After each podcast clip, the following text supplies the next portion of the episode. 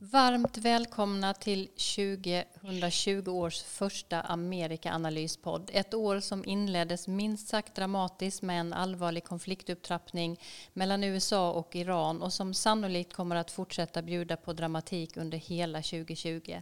Vi är laddade inför ett år med nya avsnitt av podden som ska bjuda på fördjupningar och kommentarer på en lång rad olika frågor som rör utvecklingen i USA och inte minst det pågående valåret.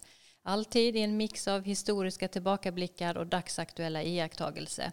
Vi bjuder på veckans historia och veckans Trump men också lite nya inslag mm, i programmet med spännande gäster. Vi hoppas att ni hänger med oss under året. Vi är Karin Henriksson, Dag Blank och jag Frida Stranne. Varmt välkomna att lyssna. This nation will rise up and live out the true meaning of its creed. This is a place where you can make it if you try. This is a country where anything is possible, no matter who you are. We do big things. Together, we represent the most extraordinary nation in all of history. What will we do with this moment? How will we be remembered?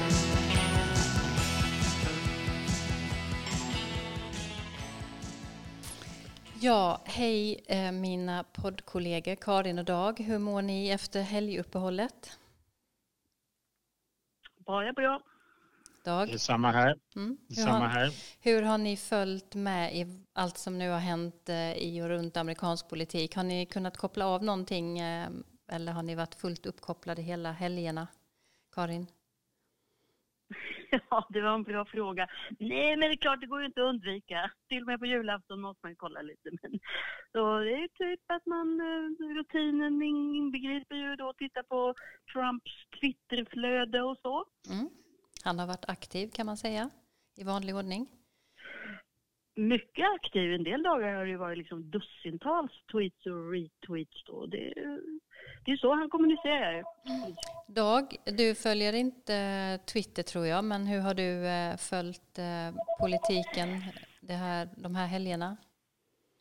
Ja, det är ju andra nyhetskällor också. Jag har faktiskt lite Twitterkoll för första gången nu och jag kan inte säga att jag är jätteimponerad över allt jag ser där men man får ju gå till andra källor, man eh, följer ju tidningarna och jag, jag är en sån som gillar PBS News Hour tycker jag är en väldigt bra och, och saklig informationskälla när det gäller amerikansk politik. Själv så har jag suttit fullständigt uppslukad av arbete med den bok som jag har nämnt någon gång under hösten eh, som jag skrivit tillsammans, tillsammans med Sanna Björling på DN, tidigare utrikeskorre i Washington eh, och som eh, ska komma ut nu inom det snaraste här under våren. Eh, och den har tagit så mycket tid för mig så att jag har faktiskt eh, varit ganska bortkopplad från det där dagsaktuella flödet och det är ganska skönt att pausa ifrån det ibland tycker jag. Eh, vi saknar ju en av oss Amerikanalyspoddare här idag och kommer att göra så lite till och från under våren. Erik Åsad som är en viktig del av vårt lilla gäng här är just nu upptagen med ett nytt spännande projekt och kommer därför inte vara med oss i varje avsnitt. Men ni lyssnare kommer att höra honom då och då under våren i en eller annan form i programmet.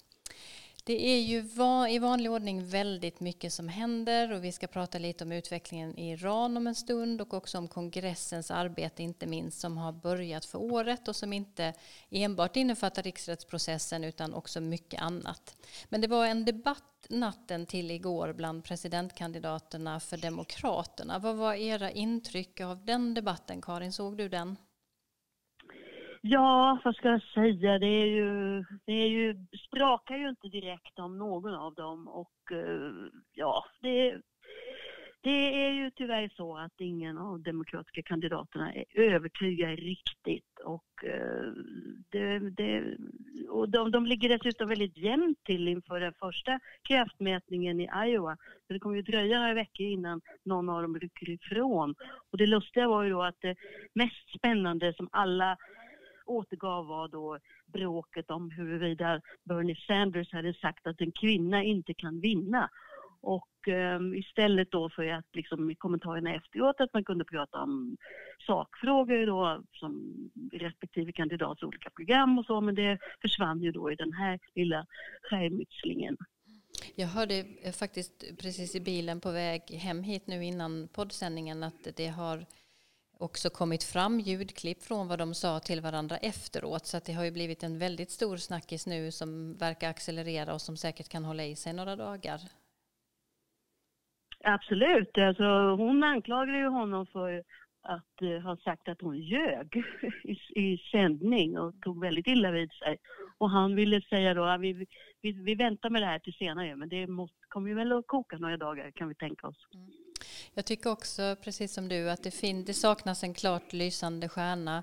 Debatten var ju ganska lam, eh, det hände inte mycket och inte ens i den utrikespolitiska fråga som nu är brännhet och där man faktiskt vet att det finns ganska stora skillnader mellan olika kandidater så fick man ju någon, någon riktig energi eller någon riktig eh, konflikt eller möjlighet att utröna. Så väldigt stora skillnader som lyssnare. Så det var energifattigt på olika sätt. För mig blir det väldigt tydligt att valet handlar mest om vem som har bäst chans att slå Trump än så mycket sakpolitik. Därför att det läggs väldigt mycket eh, one-liners från de olika kandidaterna på att de är, de är den som ska slå Donald Trump. Vad säger du Dag? Har du, hade du möjlighet att titta och vad var ditt intryck? Ja, jag tycker jag delar mycket, mycket av vad ni har sagt här. Det var ju, hände ju inget så att säga, avgörande det är lite eh, uppehållande försvar inför, inför Iowa också. Jag tror också att det börjar eh, spridas en viss debatttrötthet här. att säga. Det har ju varit en lång rad debatter och man undrar hur mycket nytt egentligen som kan komma fram. Nu var det ju som du sa, utrikespolitiken för första gången tog en, en, en ordentlig plats här och det är en viktig fråga. Men, men eh, annars så tycker jag det, det är lite som när man trampar vatten här just nu. Och alla väntar väl på att det äntligen ska bli ett val och man ska få se lite resultat helt enkelt. Mm.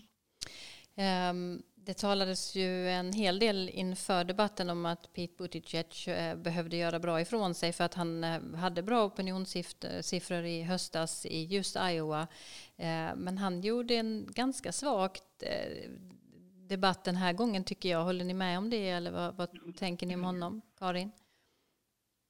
Ja, jag håller med om det. Han han har ju dalat neråt och Iowa är väl ändå hans liksom största hopp får man väl lov att säga. Men någon, man måste ju liksom rycka ifrån på allvar då om man ska ha en chans senare. Och eh, var någon som påpekade att det, på den demokratiska sidan så eh, brukar den som vinner Iowa sedan också kunna vinna presidentvalet. Men han, det är mycket som, pekar, som talar emot honom ändå, så att säga. Inte minst åldern. Mm. Det har ju hänt en del annat nu bara precis i dagarna här. Riksrätten, omröstningen i representanthuset igår till exempel. Kan du säga något kort om det Karin också? Ja, det är ju väldigt eh, olika vingslag över Washington just nu och eh, processionen igår när de gick över de här nyutnämnda så kallade house managers som ska fungera som, som eh, eh, åklagare nu i senaten. Där de skred genom kongressbyggnaden och nu, just nu så läser ju då den ledande, vad ska man säga, chefsåklagare till och med, Adam Schiff, han, han läser just nu upp uh, hela åtalet mot Trump och det, det är allvarligt, det är mycket allvarligt. Och nu när vi spelar in detta så är det ju torsdag kväll här i, i Sverige så att det är då det pågår mitt på dagen där borta hos dig i, i Washington, Karin. Um, ja, och det ska ju då börja på, på tisdag först, själva, själva rättegången förväntar man sig. Just det. Vi har hört talas om lite fram och tillbaka nu att eh, Bolton till exempel möjligen ska vittna. Vad talar för eller emot det och hur, hur diskuteras det här just nu? Ja, det diskuteras ju för full, fulla muggar men det finns inget svar ännu och uh, jag tror inte man har bestämt sig för hur, hur, det ska bli men det dyker upp lite andra detaljer då och då som det senaste nu är ju att uh, motsvarande Riksrevisionsverket General Accounting Office har just eh, fastslagit att, eh, att Trump-administrationen bröt mot, mot lagen när de eh, fördröjde det här eh, alltså militära biståndet till Ukraina förra sommaren.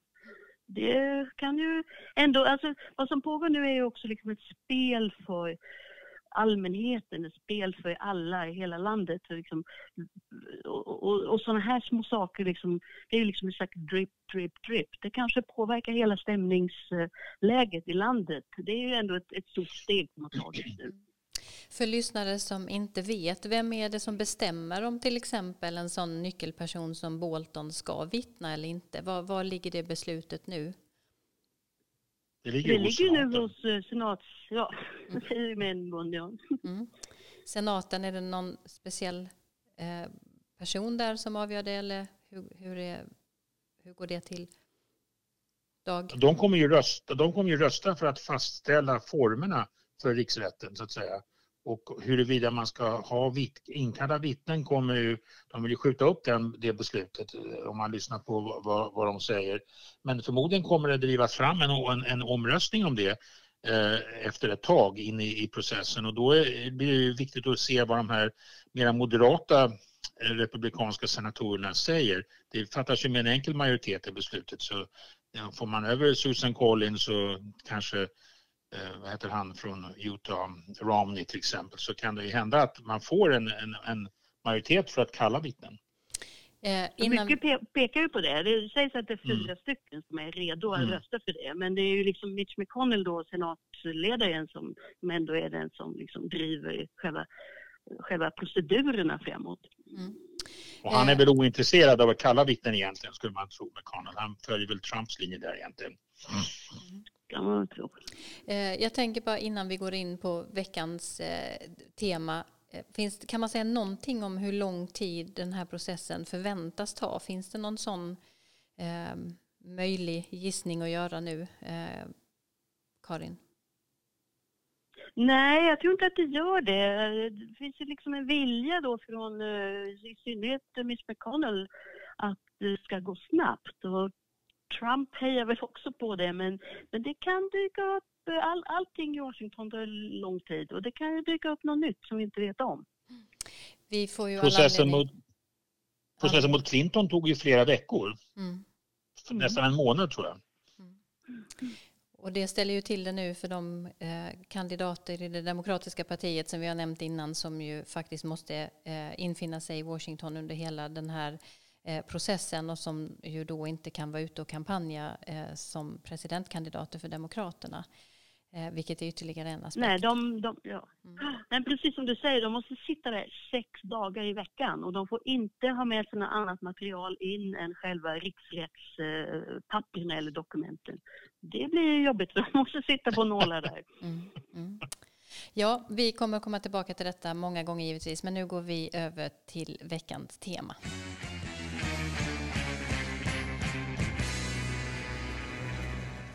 Ja, i våra poddavsnitt har vi för er som är nya lyssnare varje vecka ett fördjupningstema.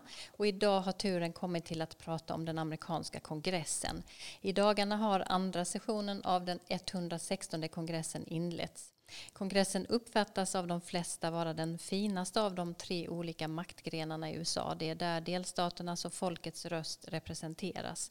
Kongressen är den lagstiftande församlingen och den imponerande byggnaden som inrymmer senaten och representanthuset ligger uppe på Capitol Hill i Washington DC. Och runt själva kongresshuset finns flertalet andra ståtliga byggnader där senatorer och kongressledamöter har sina kontor och där olika utskott också har sina hörsalar.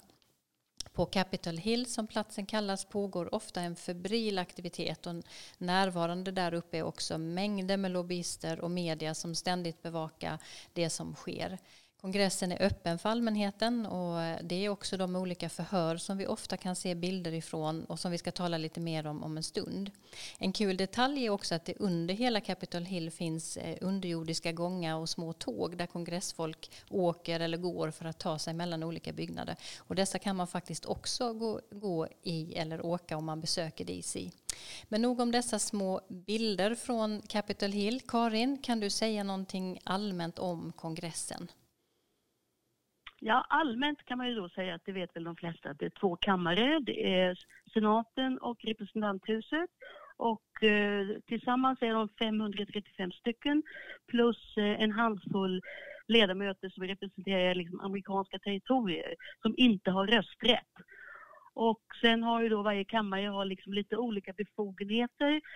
Och eh, som egentligen är det liksom representanthuset ska vara liksom den snabba eh, de, de ledamöterna väljs bara på två år, de ska liksom på något sätt representera folkviljan medan då senaten ska vara en mer långsam, mer eh, övervägningsbenägen eh, institution och de är då hundra stycken och det är två för varje delstat. Det finns... De eh, sitter jag bara kort, alltså det, det, är tvååriga, alltså det är tvååriga mandatperioder och eh, nu är vi då inne på det andra året av den 116 kongressen i USAs historia. Just det. Ehm, Det finns eh, särskilt två huvudpersoner eh, i kongressen, talmannen och senatens majoritetsledare. Vad kan man säga om, om de rollerna? Ja, man kan ju säga att eh, talmannen är ju då nummer tre i eh, successionsordningen, alltså presidenten, vicepresidenten, sedan talmannen. Och just nu är det då demokraten Nancy Pelosi som har den rollen och hon är därmed för andra gången faktiskt i hennes fall, hon har varit talman en gång förut. Hon är den mäktigaste kvinnan i USAs historia. Och jag tycker ibland att det är lite förbisett i rapporteringen. Hon, hon har faktiskt oerhörd makt. Och alla hennes vänner tycker nog att hon har verkligen skött korten väldigt väl. Det är en svår flock, hennes demokrater, att hålla ihop och det har hon lyckats med. Och på andra sidan då sitter det en minst lika slipad och erfaren politiker, nämligen republikanen Mitch McConnell från Kentucky, som har då haft hjälp kan man ju säga då, eller de har väl hjälpt varandra, han och president Trump, att få igenom då lång, mycket långvariga republikanska drömambitioner och målsättningar. Till exempel då en, en, en eh, förändring av domarkåren. Det, har, varit- det är Mitch McConnells absolut främsta prioritering i sitt arbete. Eh, om man ska säga lite mer om eh, hur kongressen i själva verken, verket arbetar. eh, Hur går det till från ett lagförslag eh, press, eller diskuteras till att en lag faktiskt kan röstas igenom och träda i kraft? Det är en oerhört komplicerad procedur. Det börjar med att någon, en ledamot då drar upp ett förslag. Sen måste han eller hon hitta sponsorer som är redo att ställa upp på det här och sen ska det då presenteras för själva ledningen i respektive kammare och helst ska man då också få med sig ja, så många som möjligt. Och eh, om, om, om någon då lyckas med det, då måste då förslagen antas i både representanthuset och senaten. Och det är inte alltid de låter likadant. Och i så fall då blir, måste det då ske en jämkning i en särskild kommitté och det tar naturligtvis sin tid. Och sen så till slut så måste då presidenten underteckna. Så det, det, här, det där kan ta flera månader, om inte år. Och det är där också olika utskott jobbar med frågorna och eh, som vi ska prata lite mer om sen också håller utfrågningar och annat för att processa och få fram en, ett lagförslag som ska kunna röstas igenom. Precis. Mm.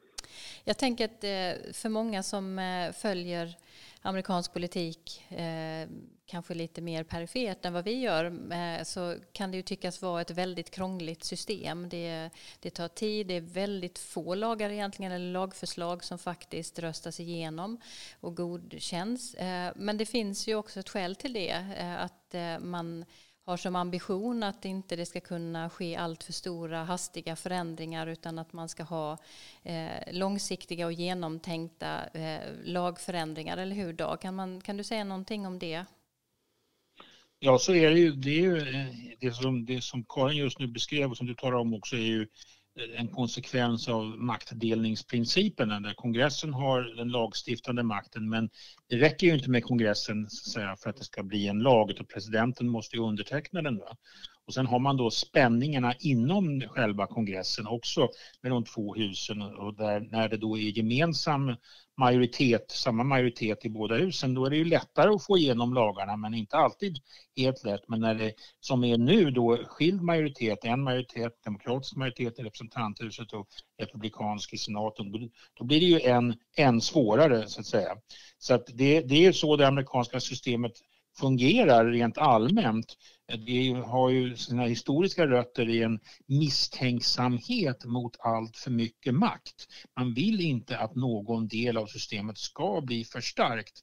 Makt korrumperar så att säga och eh, grundlagsfäderna hade ju en, en negativ erfarenhet då när man bröt, bröt sig loss från Storbritannien med allt för mycket makt från den brittiska från Storbritannien och kungamakten och även parlamentet som man motsatte sig ibland. Så det färgar deras inställning till makt. Och sen har vi då som vi har talat om tidigare också den spänningen mellan den federala och delstatliga. Nu är det här om den federala nivån här.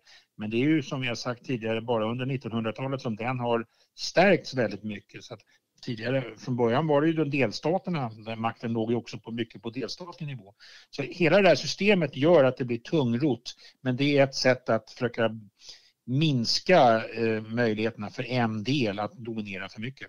Ja, just det. Det är jätteviktigt. Det är därför det ska vara svårt. Det ska inte vara enkelt att driva igenom nya lagar. Det ska inte gå för hastigt och det ska eh, ske i, i, i, så brett samförstånd som möjligt. Eh, men det är viktigt det här med presidenten också som du nämnde Dag att eh, eh han också har veto eh, och, om en, eh, och kan lägga in sitt veto mot ett lagförslag som har röstats igenom. Vill, kan du säga lite om eh, vad som händer då? Ja, om presidenten lägger in sitt veto och om presidenten inte skriver under lagförslaget så att säga, då, då faller det så att säga och då blir det inte en lag. Då återgår, då skickas det lagförslaget tillbaka till kongressen och så får, får kongressen rösta en gång till. Eh, och då kan kongressen eh, över, eh, nullifiera presidentens veto genom en ny omröstning men då krävs en kvalificerad majoritet. Det räcker inte med enkel majoritet då. Då måste man ha två tredjedels majoritet för att presidentens veto ska, ska falla. Eh, så, och det är ju väldigt osannolikt att, att man kan få två tredjedels majoritet bakom, eh, idag i alla fall, bakom ett, ett, ett, ett, eh, en omröstning. Men det är precis det som, som systemet eh, är avsett att fungera. Man kan ju då lägga till, och vi kanske kan återkomma till det, men man kan ju då lägga till, precis som du sa Frida, så förutsätter detta system att systemet jobbar tillsammans att man är villig att, att, att jobba tillsammans. Är det så att man inte vill det, är det så att det är väldigt starka låsningar och blockeringar, vilket vi ju ser idag inte minst, då blir det också så att systemet kan liksom komma till eh, inte fungera så väl, inte, inte speciellt mycket händer, det är inte många lagar antas helt enkelt och det har vi faktiskt sett på den senaste tiden. Mm. Vi kommer tillbaka till det alldeles strax. Eh, vi, vi, har ju båda varit eh, väldigt mycket i den amerikanska kongressens olika utskott och lyssnat på utfrågningar, Karin. Eh, vilket är de, de mest intressanta som du har, har varit och lyssnat på? Ja, det är ju massor. Jag kommer ihåg till exempel efter eh, inför Irakkriget minns jag att jag var på en väldigt speciell, spännande, det, för det är ofta liksom, stor politik, men det kan lika gärna vara små, små små frågor. Och det kan, ibland kan det vara kändisar som är inbjudna för att liksom verkligen höja utskottets status eller få, fler, få större publik. Men jag kan bara nämna kort att jag var på ett för ett litet tag sedan som i senatens justitieutskott som leds av Lindsey Graham som är en av Donald Trumps eh, främsta supportrar. Men eh, det handlade om någonting som kallas för Red Flag Laws som betyder att anhöriga eller nära vänner till någon som äger ett vapen ska kunna kontakta polis eller andra myndigheter för att se till att den personen fråntas vapnet i, för att skydda honom själv, henne själv eller omgivningen. Och det där finns en ganska bred enighet om att det där, det där är en väldigt bra idé. Och där så hade då representanter för orter där man prövar detta bjudits in och alla var väldigt så här mm, det är en bra idé, det borde vi verkligen pröva. Och, men det kommer inte hända, i alla fall inte på väldigt länge. Nej. Eh, jag tror att jag nämnde det inledningsvis, men det kan vara bra för lyssnare att veta att de här utfrågningarna är ju alltså öppna för allmänheten i de allra flesta fall. Och eh, är man i Washington så kan man gå in och titta på kongressens hemsida och de olika utskotten för att se vilka utfrågningar som sker den veckan. Och även när det är välkända namn så finns det en god möjlighet att få plats eh, om man är ute i tid och eh, ställer sig i kö för att få eh, en möjlig plats i, i de här utfrågningarna. det är väldigt lärorikt och också väldigt intressant att titta på dem. Själv har jag varit på en, en lång rad väldigt intressanta utfrågningar men det som eh, jag minns kanske mest var eh, utfrågningarna av John Kerry under våren 2014 som var en oerhörd spänd stämning som gällde det då pågående Iran-förhandlingarna eller kärnenergiavtalet med Iran. Och som också var väldigt känslostyrt eh, och eh, jag satt ett par gånger väldigt nära John Kerry vid ett av de här tillfällena inte minst och kunde verkligen se hur han ansträngde sig för att inte ge utlopp för vad som såg ut att vara eh, ilska vid några av sina politiska kollegors frågor och påhopp. För det här var en, en väldigt spänd situation och också ett av de tillfällen faktiskt eh, där Obamas eh, veto hade kunnat eh, röstas över eh, eftersom det fanns en hel del demokrater eh, som ju inte stod på presidenten och sin egen partiledares sida i den frågan. Så det var ju en, en sån här väldigt eh, lång process och också en väldigt osäkert utfall av hela det förloppet. Ehm, de här utfrågningarna handlar ju om att ett utskott i sitt arbete med att bereda ett lagförslag bjuder in experter och vittnesmål för att bilda sig en uppfattning av den sakfråga som lagen berör. Inte sällan är det lobbyister från olika policyinstitut som gjort analyser som presenteras. Det kan ju vara andra experter, forskare, företagsledare. Och deras vittnesmål de lämnas in i förväg. De får också inleda de här med att läsa upp eh, sina vittnesmål. Eh, och därefter så får representanterna som sitter i utskottet ehm, en viss begränsad tid att ställa frågor och alla har rätt att ställa frågor till den som är kallad eller de som är kallade. Först ut i de här utfrågningarna är alltid ordförande ehm, som i utskottet som representerar det parti som har majoritet i den aktuella kammaren. Och utskott finns ju då både kopplade till senaten och representanthuset. De här utfrågningarna kan ta väldigt lång tid. De kan vara tuffa eller mindre tuffa. Men det är viktigt att känna till att de på senare decennium inte minst har blivit väldigt politiserade på det sättet att ordföranden är den som beslutar vilka som ska kallas och detta görs utifrån vilka röster som den ordförande vill ska komma till tal. Så inte sällan är det väldigt politiskt färgat och politiska inlagor snarare än att utskottsledamöterna får en, en objektiv analys. Den får de eh, skaffa sig lite på annat sätt. Och när man lyssnar så ska man därför också vara uppmärksam på vilka det är som är kallade som vittnen och vad de representerar för olika intressen. Um, ja, är det något annat du vill säga om de här utfrågningarna, Karin? Nej, jag tycker det där var väldigt viktigt det du sa att det är liksom en, det är en show och eh, det är också, eh, kan man kanske bara tillägga att det är lite, det är nog, det är nog en ganska hemsk upplevelse att sitta där på, på, om det är något kontroversiellt som det har handlat om ibland. Alltså typ någonting efter flygolycka eller så och, och, det, och, och den här personen då som har kallats in för att svara för sig måste då verkligen hålla ansiktsmusklerna i styr för det kan vara förfärliga påhopp från de olika ledamöterna. Det är nog inte roligt. Nej. Men det är naturligtvis en plikt att infinna sig.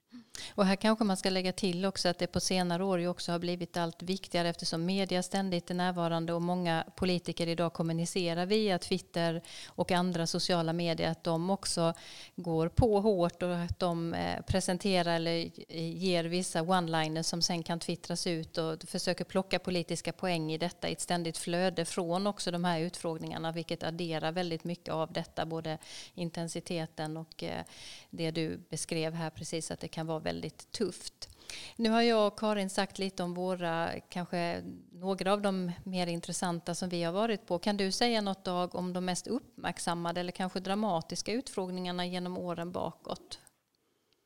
Ja, det är ju ganska många som man kan välja på men man ska ju komma ihåg att kongressen har ju också den här rollen eh, att kontrollera, den kontrollerande rollen, oversight som man säger på engelska över de andra grenarna av, av systemet och inte minst presidentämbetet då, den exekutiva makten. Och det har vi ju sett ett antal Eh, mycket spännande och dramatiska utfrågningar, inte minst här nu på de senaste, den senaste tiden eh, när, när med till exempel ehm, Rysslandsutredningen och de inkallade förhören, vittnesförhören här nu inför impeachment. Hela, hela den delen, så att säga, där kongressen gräver fram fakta på det sättet, då kan man ju, jag är så pass gammal så jag satt fängslad framför Watergate-skandalen när den rullades upp och det var ju genom kongressens eh, makt att, att inkalla vittnen och eh, eh, gräva efter information och det ledde ju faktiskt till att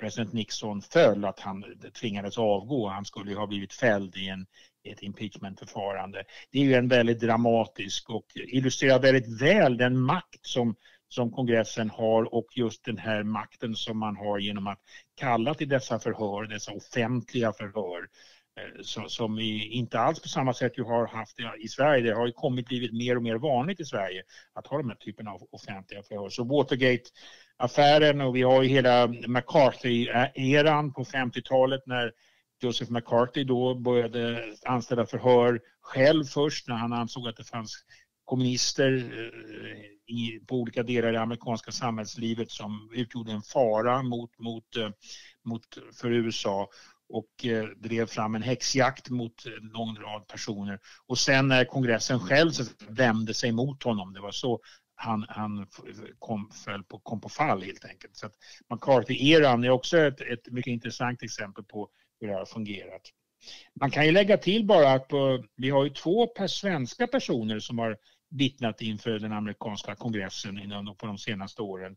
Greta Thunberg var ju där väl nu under sin Amerikaresa framträdde hon väl inför något utskott. Och sen så kan vi inte glömma bort att ett kommunalråd från Södertälje har också vittnat inför amerikanska kongressen. Det var Anders Lago som eh, talade om mottagandet av iranska flyktingar, eh, hur det hade påverkat Södertälje. Och där ville Demokraterna visa hur att Södertälje hade tagit emot flera irakiska flyktingar än vad hela USA hade gjort. Och det var en sorts poäng som Demokraterna försökte driva hem där. Apropå det här lite politiserade sättet att använda det här. Mm. En eh, också utfrågning i närtid som ju var väldigt spänd och då var jag inte inne på utfrågningen men däremot utanför vid väldigt eh, intensiva demonstrationer och det var ju tillsättningen av eh, Brett Kavanaugh, den senaste domaren i Högsta domstolen domstolen som ju också var eh, väldigt, eh, eh väldigt uppmärksammat och också blev ganska dramatiskt på, på olika sätt. Eh, vi, men om vi ska gå vidare, eh, det talas ju mycket om det politiserade läget och att kongressen är passiv, att det inte händer så mycket. Stämmer det Dag? Ja, det, det gör det. Alltså om man tittar på kongressen synen på kongressen, det, vi sa att det är en av de kanske den främsta, mest framstående delen i det amerikanska politiska systemet och eh, det, så är det naturligtvis, men synen, allmänhetens syn på kongressen är, är ganska negativ. De har dåliga opinionssiffror. De senaste data jag såg här säger att närmare två tredjedelar av alla amerikaner är missnöjda med det sätt som kongressen bedriver sitt arbete på. Och en av orsakerna till det förmodligen är den här eh, så att säga, dödläget som kan uppstå när situationen är så blockerad. Vi sa, vi sa att det krävs, systemet i sig är så tungrot och, och är uppbyggt på så sätt att de olika delarna måste samspela för att lagar ska kunna antas. Och om inte det sker om inte de delarna är villiga att samspela med varandra eller intresserade av att samspela med varandra, då blir det inte så mycket gjort. Eh, Pew Research Center som är en väldigt bra källa mäter hur många lagar som antas av kongressen under olika perioder. De talar om, det finns ceremoniella lagar, lite mera som inte har så speciellt stor betydelse. Eh, proklamationer och lagar som säger vissa saker, hedrar vissa personer och så vidare. Men om de talar om substantiella lagar, substantive laws, så säger de att sedan 2000-talets början har de gått ner väldigt mycket. Den 106 kongressen 1999 till 2000 under den perioden antogs 137 substantive laws, alltså eh, viktiga lagar. Och, eh, 2003-2004 så var det 144 sådana lagar som antogs. Medan eh, sedan 2011, under alltså 2010-talet här då, så har siffran legat betydligt lägre, mellan 63 och 83 lagar. en betydande nedgång då från 130-140 lagar till 63 och 83 lagar. Och det beror på att situationen har varit så blockerad. Man kan ju komma ihåg att Mitch McConnell, majoritetsledaren i senaten, sa också att eh, efter Obamas omval att han såg som sitt huvudsyfte, inte att vara lagstiftare kanske, utan att se till att presidentens legislativa agenda, presidentens program eh, för att ta lagar som han ville få antagna, skulle förnekas helt enkelt. Och, så på det sättet har antalet lagar som har stiftats gått ner. Och eh, det har säkert bidragit till den här negativa synen på kongressen i den amerikanska allmänheten. Varför kan de inte få någonting gjort i Washington? Och sen ska man lägga till där, tänker jag också, att eh, pengarnas eh, allt viktigare betydelse i politiken och eh, lobbyister eller lobbygruppernas inflytande också har ju också bidragit till människors allt lägre förtroende för, för kongressens arbete. Så det är en sak att addera till det. Ehm, Säkert. Jag tänker också på det här bara att man eh, med antalet lagar är ju väldigt intressant att det har gått ner så här eh, ganska dramatiskt, nästan eh, halverats under de här åren. Men det är också så generellt att det är bara ett fåtal procent av alla lagförslag som faktiskt röstas igenom. Men det har ju med det vi har beskrivit innan att göra. Kan man säga någonting? Det finns ju väldigt många personer givetvis eh, som jobbar i kongressen och vi har nämnt de kanske två viktigaste då, ledarna eh, i talmannen och majoritetsledaren i, i, senaten som ju har en viktig stab runt sig givetvis eh, som på olika sätt försöker eh, lobba mellan olika ledamöter och annat för att få dem att rösta i en viss riktning. Men kan man säga någonting om vad som kännetecknar framgångsrika ledare i kongressen, Dag? Ja, om man ser tillbaka historiskt sett så finns det ju eh, mycket framgångsrika eh, kongressledamöter både i representanthuset och i senaten som har lyckats få igenom beslut och få, få, få, få lagar antagna så att säga. Och, och, och, man kan tänka från 1800-talet så brukar man tala om Henry Clay som var verksam under årtiondena före inbördeskriget och han kallades för the great compromiser. Det fanns ju, som vi har talat om tidigare under förra delen av 1800-talet, var ju slaveriet den stora frågan som som så att säga präglade amerikansk politik och inte minst eftersom när landet expanderade västerut och nya delstater antogs, intogs i unionen, skulle det vara slavstater eller skulle det vara fria stater? Och det var, fanns ett antal kompromisser som, som, som man ingick för att försöka behålla en balans mellan fristater och slavstater. Kompromissen från 1820 och kompromissen från 1850 är två mycket välkända exempel. Och där gällde det då att kunna balansera och, och samarbeta för att få de här kompromisserna antagna och det var Henry Clay eh, skicklig på. Eh, från eh, lite mera närtid så skulle jag gärna nämna Lyndon Johnson som ju var satt var först som kongressledamot men sen blev en legendarisk senator från Texas under stora delar av 1950-talet och han blev majoritetsledare i senaten och han var den som omvandlade det ämbetet kan man nog säga till den väldigt starka ställning som det har idag. Han var oerhört skicklig på att stärka den, den rollen och sen att få igenom lagstiftning. Han, han kunde tala och samarbeta och förhandla med personer från olika bakgrunder med, som hade olika åsikter. Eh, och eh, han, Robert Caro eh, som har skrivit ett antal biografier över honom, han har skrivit fantastiska biografier över, över Johnson, följer honom genom hans liv och han håller nu på med den sista volymen. Han själv har, är, har kommit eh, långt upp i åren själv. Men han kallar den volym som handlar om, om eh, hans år i senaten kallar honom för the master of the senate. Och, och, och, han var väldigt framgångsrik där och han blev ju sen vicepresident under Kennedy och sen efter Kennedys död själv president. Och då lyckades han som president slutföra arbetet med medborgarrättslagstiftningen och vi kanske kan lyssna på ett litet klipp som vi har tror jag Frida om när han försöker argumentera för att man ska anta The Voting Rights Act 1965 som skulle ge slutligen se till att den svarta befolkningen skulle få sina röst, sin rösträtt. There is no Negro problem. There is no Southern problem. There is no Northern problem.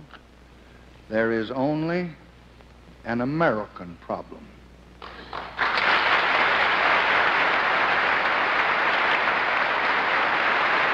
Där hör man alltså hur han försöker göra detta till en amerikansk fråga. Han försöker överbrygga. Not as Democrats or Republicans. We are met here as Americans to solve that problem. Ja, vi fick några sekunder till där. Ja, han vill liksom överbrygga den här stora klyftan mellan syd och nord, mellan demokrater och republikaner. Och han var mycket skicklig på det. Vi, vi minns kanske Lyndon Johnson eh, mycket också när det gäller Vietnamkriget, naturligtvis ett stort misslyckande för honom. Men han hade också stora framgångar rent inrikespolitiskt, det är värt att komma ihåg. Och det var hans skicklighet att, att manövrera mellan, eh, först i senaten och sedan även som president inrikespolitiskt mellan olika, olika grupper. Du får bara några få sekunder på dig att säga någonting om eh, mindre framgångsrika ledare som har funnits eh, som kanske våra lyssnare känner till?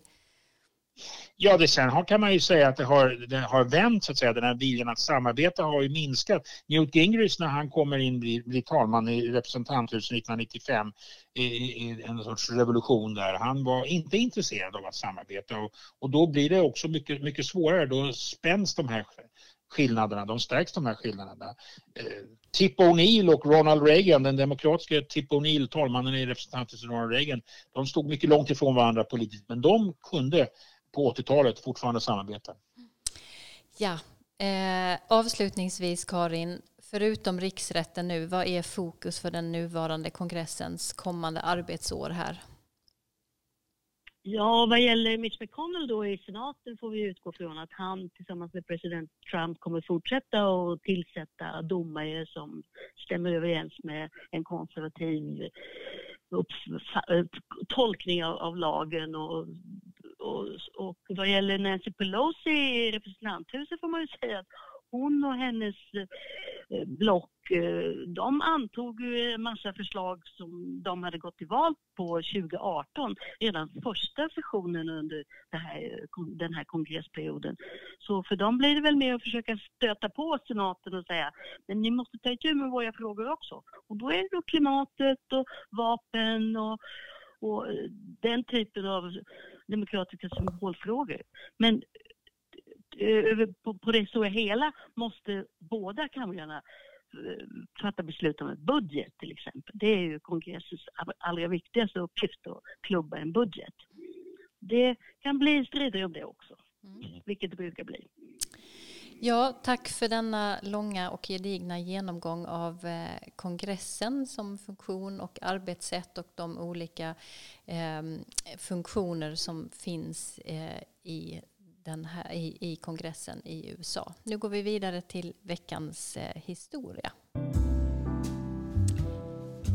Ja, vi vet ju att USA består av 50 delstater men det finns också områden i landet som inte är delstater men ändå hör till USA. Veckans historia handlar om ett sådant område, Puerto Rico. Dag, hur kommer det sig att denna ö i Karibiska havet har denna särställning inom den amerikanska republiken? Det beror på att Puerto Rico blev amerikanskt som en konsekvens av det spansk-amerikanska kriget 1898. Krig mellan Spanien och USA där Spanien förlorade sina sista kvarvarande besittningar i nya världen. Puerto Rico men även Filippinerna. Båda de områdena blev en del av USA som en konsekvens av det spansk-amerikanska kriget. Då inställde sig frågan hur skulle de här områdena behandlas? Skulle de behandlas som andra områden som hade blivit en del av USA? Skulle de till exempel få möjligheter att bli delstater? Och svaret på den frågan blev nej.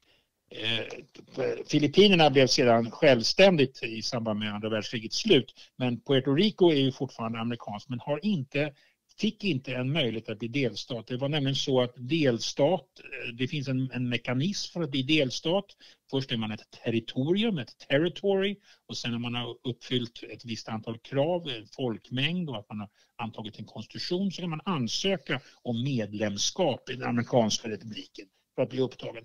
Puerto Rico fick inte den möjligheten eftersom man i, efter ett, ett utslag, några utslag i Högsta domstolen 1901 fastslog att visst var i och för sig Puerto Rico ett territory, ett territorium, men det var ett unincorporated territory. Man måste vara ett incorporated territory, man måste vara inkorporerat med USA på ett speciellt sätt. Men det ansågs inte Puerto Rico vara, utan det var ett unincorporated territory. Och det betydde att man inte kunde bli delstat. Man fastslår att de som bor på Puerto Rico är amerikanska medborgare, vilket de är. Men de, den amerikanska konstitutionen gäller inte till fullo, säger man i de här utslagen, eh, på, på Puerto Rico. Så att det finns en distinktion här mellan Puerto Rico och USA som, eh, som, som då står ut till Puerto Ricos nackdel. Eh, och man, har, man deltar alltså till exempel inte i presidentvalen, man deltar inte i kongressvalen. Som Karin sa finns det en representant för Puerto Rico för de övriga territorier. För det här är ett exempel på flera territorier, det finns andra territorier också. Men man, man deltar inte, alltså inte fullt ut i, i den amerikanska politiska processen.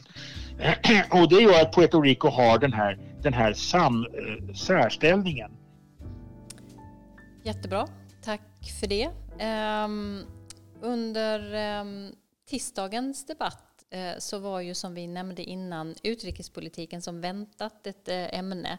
Eh, och det, även om det inte utkristalliserade sig en tydlig skiljelinje mellan Demokraternas kandidater så som det var tänkt kanske, så är ändå händelseutvecklingen i Iran, eller med Iran, nu har gjort att utrikespolitiken har hamnat på dagordningen. Kommer det att bli en, en fråga, tror du, under valrörelsen, Karin?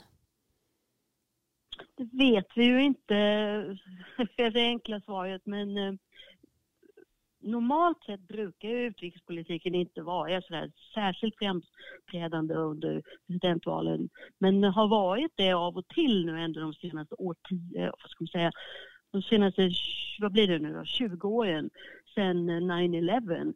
Och om nu Trump ökar truppantalet i eh, Mellanöstern, vilket det ser ut som, så kan det nog mycket väl bli en valfråga. Likaså om någonting går snett, så kan det också bli, eh, bidra då till att eh, missnöjet med Donald Trumps eh, styre då skulle ja, sprida sig till andra delar av, av eh, alltså att man röstar emot honom för att få bort honom från utrikespolitiken. För det ligger nu i botten ändå lite grann på i, i bedömningarna hos alla så kallade never trumpers att kan vi verkligen lita på honom? Är han rätta mannen att eh, han som ändå då gick till val på att dra tillbaka USA som militärmakt i världen nu kanske faller in i den rollen igen och hur, hur, hur kommer det att gå? Och det är klart att det kommer att vara utvecklingen av det här som avgör hur mycket av en valfråga det här kommer att bli och det vet vi ju inte ännu men det är ju en väldigt eh, skör situation. Eh, utvecklingen och händelserna i Irak och nu med protesterna i Iran eh, har ju Eh, eskalerat, det har deeskalerat eh, under en period men det är ju en väldigt skör eh, situation som sagt. Många menade initialt att mordet på Soleimani var en krigsförklaring. Därefter så skapade Irans begränsade svar en viss avspänning igen även om alla var överens om att det är extremt skört och mycket kan hända. Minsta misstolkning kan leda till en konflikteskalering. Sen kom ju nedskjutningen av det ukrainska passagerarplanet som var och, och, mm, som en konsekvens av detta har vi nu fått omfattande demonstrationer i Iran. Och det är ju en utveckling som spelar Trump och hökarna runt om honom inte minst väl i händerna. Många vill se ett regimskifte i Teheran och eh, de här uppeldade protesterna är därför varmt välkomna. Eh, Trump är säkert också nöjd över att nedskjutningen av det här planet har gjort EU mer benäget att stötta nya sanktioner och att Iran har tvingats på, på defensiven. Men det är ju också ett oerhört komplicerat läge och delikat vågspel eh, vars utveckling också kan gå på olika sätt och också i värsta fall gå väldigt illa. Ett trängt Iran är en, en farlig aktör i regionen och risken för våldsamheter är därför inte otänkbart. Eh, framför allt inte om Iran uppfattar att de tappar kontrollen. Så ibland får man vara försiktig också vad man önskar. Eh, Trump själv vill ju egentligen inte se en konfliktupptrappning som du nämnde Karin, ehm, eh, eller egentligen öka truppnärvaron. Eh, men här finns ju många tänkbara scenarier som man lätt tappar kontrollen över. Och sen finns det också många i hans stab och partikamrater i senaten som inte är lika återhållsamma när det gäller att agera kraftfullt mot Iran och som vill stötta oppositionella på en mängd olika sätt nu. Ehm, det är kanske nästan en omöjlig fråga, men hur tror du Karin att Trump ska kunna parera de här olika intressena? Ehm, både bland de han har runt sig och eh, egna väljare som dels många har velat att han ska dra sig undan ifrån till exempel Mellanöstern eh, men också samtidigt vill att USA ska agera kraftfullt när det väl gäller. Ja, det där det sista du säger är jätteviktigt. Alltså det, jag tror att även Trumps väljarbas är kluven så att säga. Å ena sidan vill de ha bort eh, USA, ut, de vill ha hem amerikanska soldater. Men å andra sidan eh, vill de att eh, Trump, USA, ska agera kraftfullt och liksom visa vem det är som bestämmer. Och, men Trump själv har ju eh, hela tiden varit väldigt negativ till Iran Därför var det så speciellt nu då innan, eller före nedskjutningen av, av passagerarplanet att eh, många tolkade det som att ja, ja, en avspänning. Men men indirekt har Irans inflytande ökat betydligt i regionen och det vill ju inte Trump. Det, är en väldigt eh, komplicerad situation. Mm. Mycket komplicerad. Man pratade inför den här debatten med de demokratiska kandidaterna att, eh, som vinner på att utrikespolitiken kommer högt upp på dagordningen skulle vara Joe Biden. Är det din bild också Karin eller vad, kan man säga någon någonting sånt i det här läget? Nej, ja, ja nej, jag, jag, tror att det, det som spökar då återigen är ju då omröstningen inför USAs invasion av Irak. Och eh, Trump var ju en, eller förlåt mig, Joe Biden var ju en av de demokrater i senaten som röstade för. Och eh, det kommer ligga honom i fatet. Han, han har försökt ta avstånd från det men det har inte riktigt lyckats. Och det bidrar ju då till den här bilden av, av Biden som liksom lite fladdrig. Va? Och det är ju inte en bra egenskap för en, en kandidat. Nej. Eh, ja, jag tycker att vi eh, går kvickt över till veckans Trump. Eh, och det är i synnerhet ett uttalande av Donald Trump de senaste dagarna som har upprepats flera gånger. I can reveal that I believe it would have been four embassies, and I think that probably uh, Baghdad already started. They were really amazed that we came in with that kind of a force. We came in with very powerful force and drove them out. You know, that ended almost immediately. But Baghdad certainly would have been the lead, but I think it would have been four embassies, could have been military bases, could have been a lot of other things too. But it was imminent, and then all of a sudden, he was gone. Ja, Karin, vad hörde vi här? Ja, vi hörde att eh, presidenten Donald Trump eh, tror att det kanske var ett eh, att det förelåg ett, ett nära förestående hot mot ambassader, kanske fyra stycken. Kanske, och sen har han sagt senare att det kanske var andra amerikanska installationer som, som befann sig under akut hot eller akut krisläge. Och det här är återigen då en fråga om, om Trumps trovärdighet. Och, eh, och, och, vi har ju varit inne på detta lite tidigare nu då när vi diskuterade Iran. Så att eh, det var ju en del då som, som eh, ja, alltså hans medarbetare, utrikesministern, säkerhetsrådgivaren, försvarsministern, hade lite svårt att på, och, och liksom förklara det här. Och, och försvarsministern sa själv att jag har inte hört någonting om exakt de fyra ambassader. Och eh, en del tolkade det faktiskt som att Trump hittade på det här. Och det är inte heller så särskilt betryggande för, för allmänheten att, att man inte riktigt kan lita på vad presidenten säger, för det har inte backats upp av några underrättelsetjänster. Så. Mm. Så var det med den saken. Mm. Mm. Veckans Trump, tack för det Karin. Eh, I vanlig ordning håller du koll på vad som kommer i presidentens Twitter och olika uttalanden. Men vad har kommit bort i nyhetsflödet den senaste tiden? Lite snabbt avslutningsvis här. Vad, när allt fokus nu har riktats, riktats både mot Mellanöstern och riksrätten, vad, vad är det som vi inte har sett eh, som också har hänt? Karin, har du någon kort kommentar till det? Ja, det är ganska mycket såklart. Det rullar ju på andra frågor och en, en, en sak som kommer väldigt mycket i bakvattnet är, tycker nog jag i alla fall är ju då den fortsatta nedmonteringen av eh, miljöskyddet i USA. Och det senaste är att Trump vill riva upp en lag om Eh, Eh, miljö, vad säger man? Man säger miljökonsekvensanalys av eh, stora infrastrukturprojekt. Och han som då gammal byggherre tycker att det måste bort de här alla, alla prövningar och alla dröjsmål och alla advokater.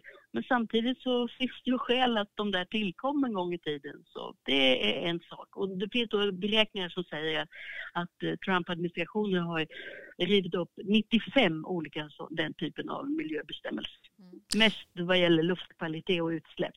Ja, jag läste i någon rapport att nästan alla saker som Obama fick igenom under sin sista period eh, är nu upprivet eller på gång att rivas upp. Ja, stämmer. Mm. Mm. Dag, är det någonting som du tycker har försvunnit i, i uh, nyhetsflödet som man en, bör rikta lite uppmärksamhet mot?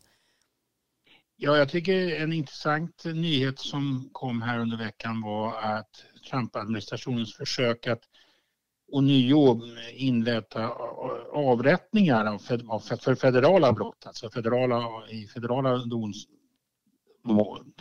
domstolar och få, kunna få tillstånd att, att avrätta folk. Och det ligger och väntar i domstolen, inte i högsta domstolen men i nivån under. Eh, de har blockerat, de har blockerat det tidigare men nu har justitiedepartementet gått in och kräver att man ska ta ställning till detta ånyo så att man ska kunna börja avrätta folk inom, inom det federala domstolsväsendet. Mm. Eller döma folk till avrättningen. Mm. Det kanske vi också ska komma tillbaka till någon gång i något senare program, det här med eh, dödsstraffet i USA, mm. som ju är eh, ganska unikt i alla fall i västdemokratier.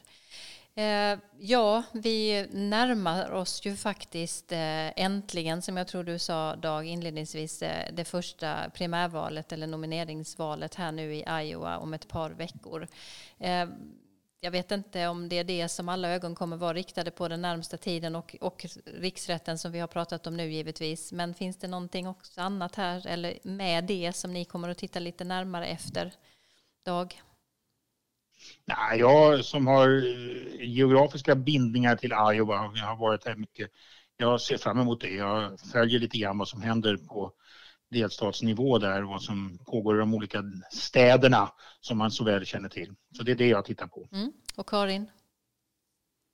Ja, jag håller med Dag, håller också ett öga på Iowa. Sen är det New Hampshire en dryg vecka senare och det kommer ju då antingen eh, stärka då en kandidat eller sänka en annan kandidat och så.